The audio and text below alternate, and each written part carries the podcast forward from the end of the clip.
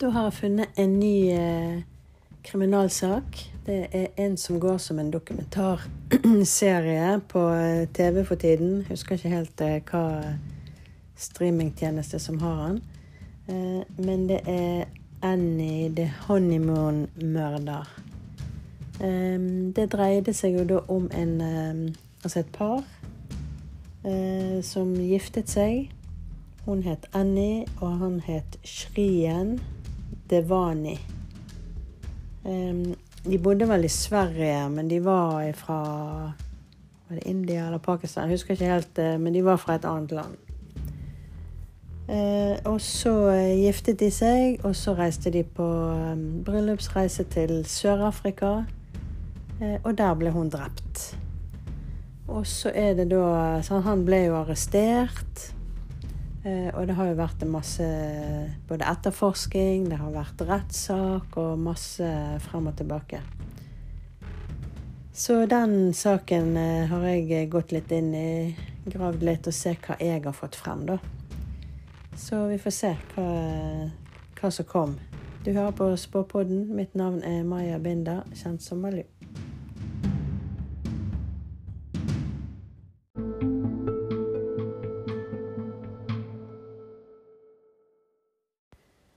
Som vanlig så må jeg jo minne på at dette er jo sett i klarsyn, så det er ikke noen beskyldninger mot noen, eller det er kun det jeg eh, får opp når jeg går inn i energien og inn og ser på saken. Så vi tar det for det det er. Som vanlig så liker jeg å gå inn på personene først og se ja, altså hvordan de var som person. Så jeg gikk inn på hun eh, Annie først, da. Eh, hun kommer jo opp som en veldig sånn søt og snill jente.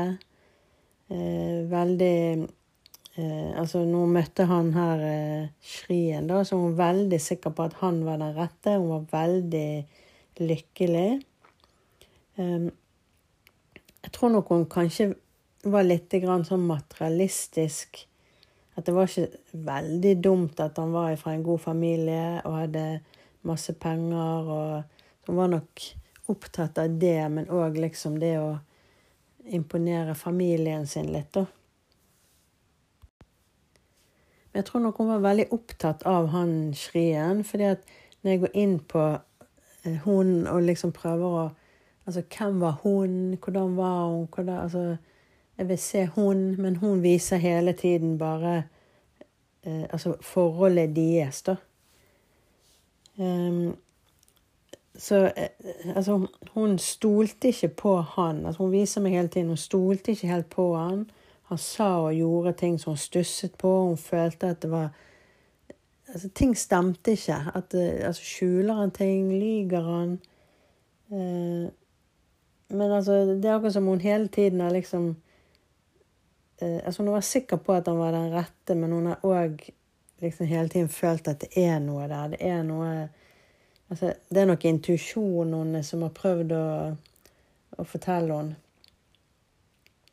Eh, og så eh, er det jo det med altså sexlivet. Det, altså hvis det eksisterte noe i det hele tatt, så har det i hvert fall ikke funket. Eh, og det virker liksom Og det har vært et problem hele tiden, og det ser ut som Det er noe med at altså, om, At han ikke virker, eller altså Det som hun har lurt på altså, Er det dop? Går han på noen medisiner? Er det Altså, hva er det Altså, hun følte hele tiden at det, det var et problem her.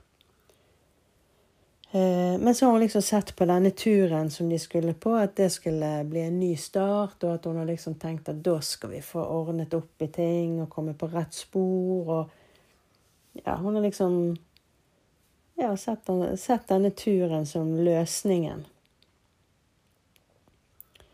Eh, men igjen, altså her får jeg jo det at eh, det ble jo ikke sånn som hun hadde tenkt. Det ser ut som han er litt sånn belærende mot henne òg. At hvis hun sier noe, så retter han litt på henne. Eller litt, altså det virker Hun viser meg hele tiden at det er en del ting i det forholdet der som ikke fungerer.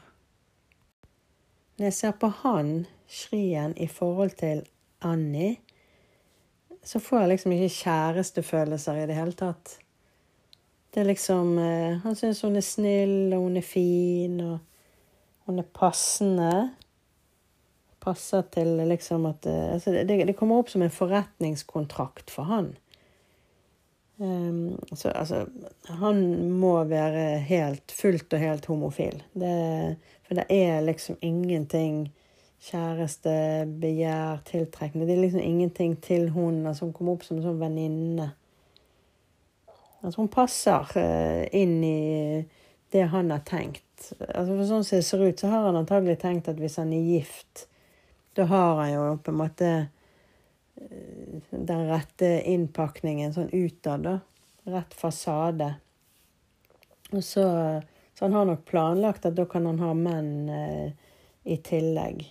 Og det er jo klart at hvis hun forsvant eller døde, så så er det jo ikke noe mas om at han må gifte seg. Altså, da har han jo giftet seg, og da må han jo få tid til å sørge og være aleine. Altså, det, det, virker som han eh, Han hadde nok en plan her, men han har ikke tenkt nok igjennom alt. Altså, det er mulig at han, at han er litt naiv, at han trodde det var enklere enn det det var. Eh, for for meg ser det ut som dette her eh, Alt er planlagt. alt jeg går inn på her, så ligger det liksom som at han hadde en plan. Det er liksom ingen sånn følelser, romantisk 'Å, nå skal vi kose oss på tur.' Altså, alt er liksom sånn Så det ble sånn, og hun Altså, han har en plan.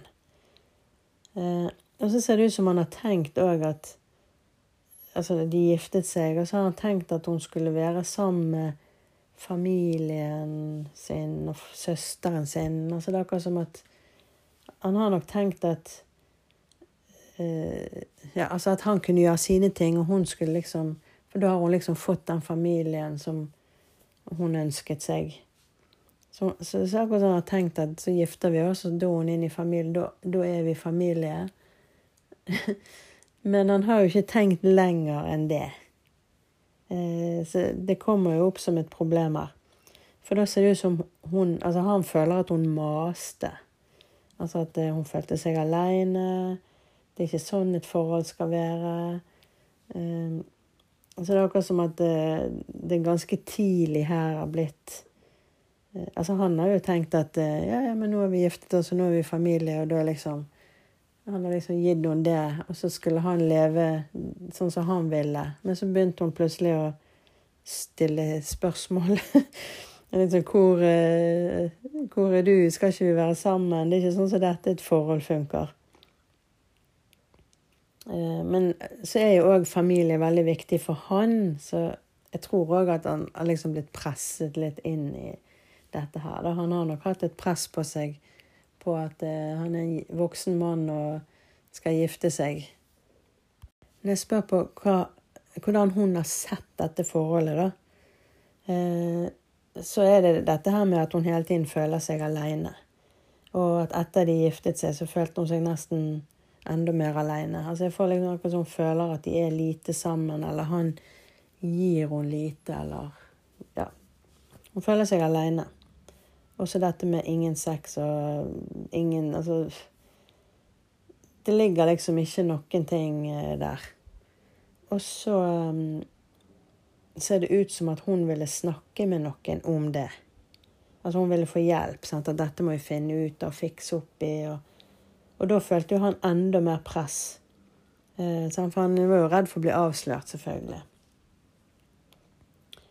Men igjen så trodde jo hun at turen skulle fikse mye ut av dette her. Eh, men det skjedde ikke. Eh, sånn at det ser ut som på turen òg, altså på bryllupsreisen òg, så var det samme problemet. Hun fikk ikke oppmerksomhet av han. Hun, der er ikke noe nærhet og, og samhold i det hele tatt. Eh, og da ser det ut som at hun har snakket med en venninne eller en søster eller noe sånt om det. Antagelig mens hun var på denne turen.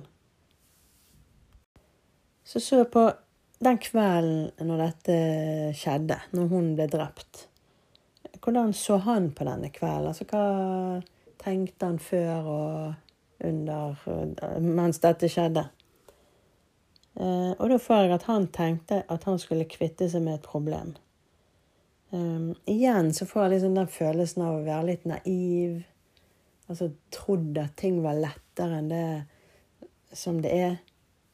Så han har sikkert hatt veldig sånn tro på at systemet i Sør-Afrika ikke fungerer. At kanskje dårlig politi, kanskje vi kan betale oss ut, eller et eller annet. Uh, for altså, det er veldig rart, hele greien. Og så ser det ut som at det ikke er sikkert han har tenkt drap heller. At å bare drepe henne, liksom. Eller det kan være at han har bare tenkt få henne til å forsvinne. Uh, for det er ikke helt gjennomtenkt. Altså, det er en plan her, men jeg får veldig sånn naiv naiv, naivitet.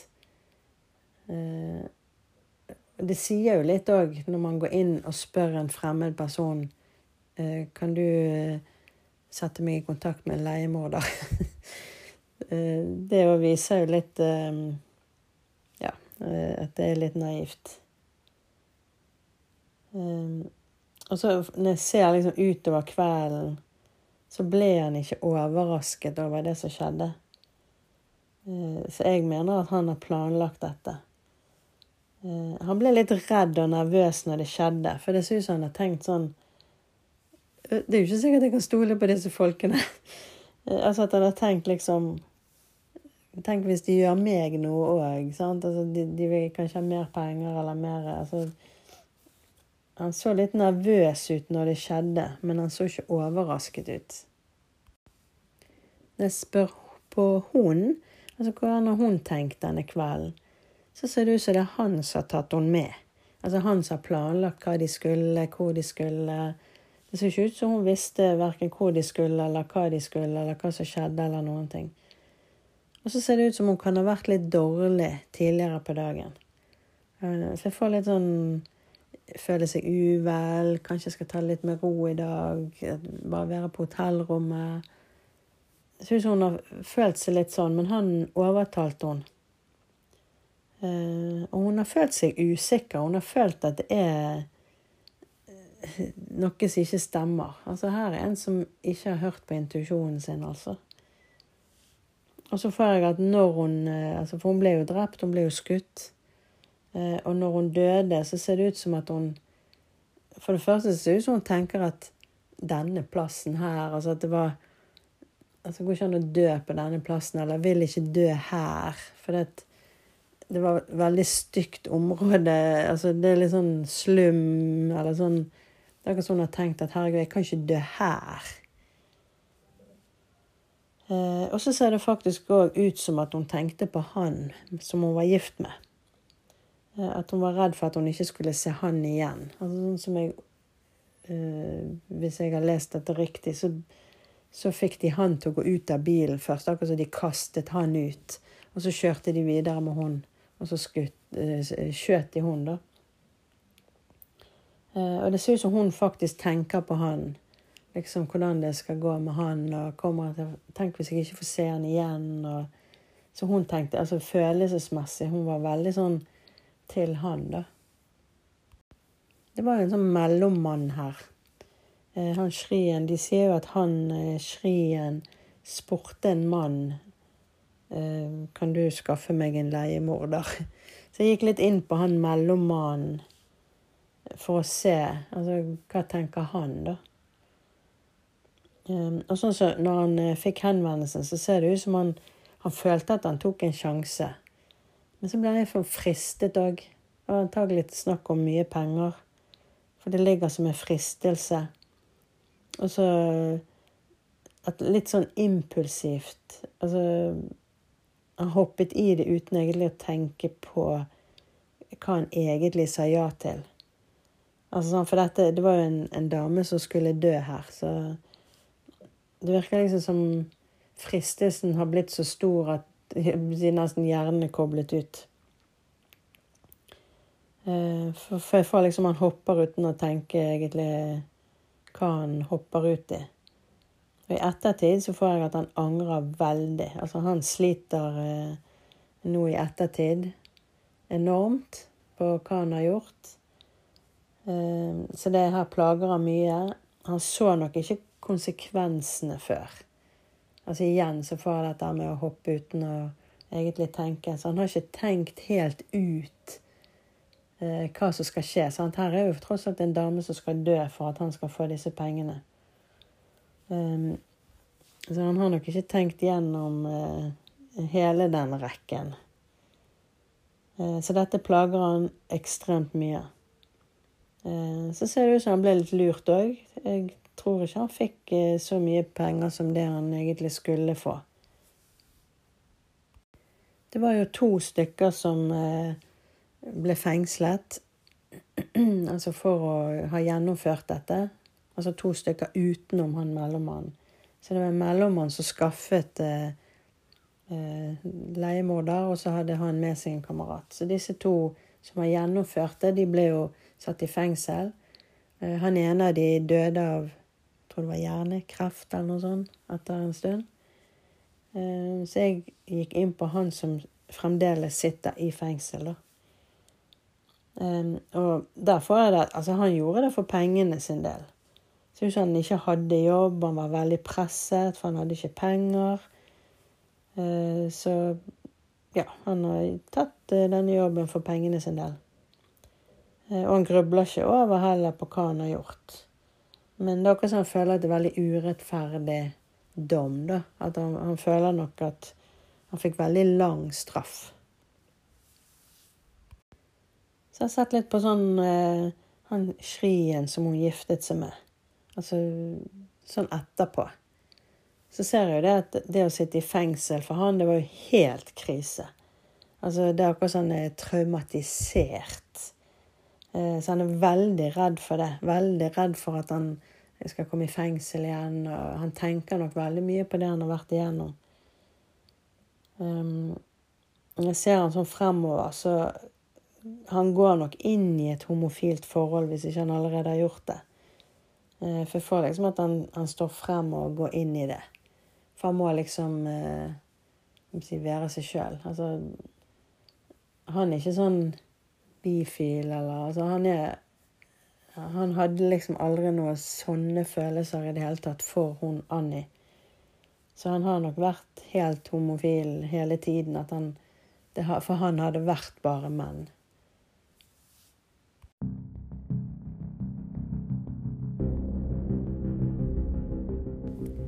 Så det var det jeg eh, har fått opp om denne saken. Altså Som sagt så jeg mener jeg at det var Manone som har planlagt dette og ja, rett og slett bestilt eh, der nede i Sør-Afrika å få henne fjernet eller drept. Eh, som sagt at det er jo bare det jeg så, har sett i klarsyn. Eh, hvis jeg ikke husker feil, så mener jeg at han ble frikjent i retten. Så da må vi jo egentlig forholde oss til det. Eh, men eh, ja. Sånn som jeg får det opp, så virker han ikke helt uskyldig, da. Så, men se gjerne dokumentaren.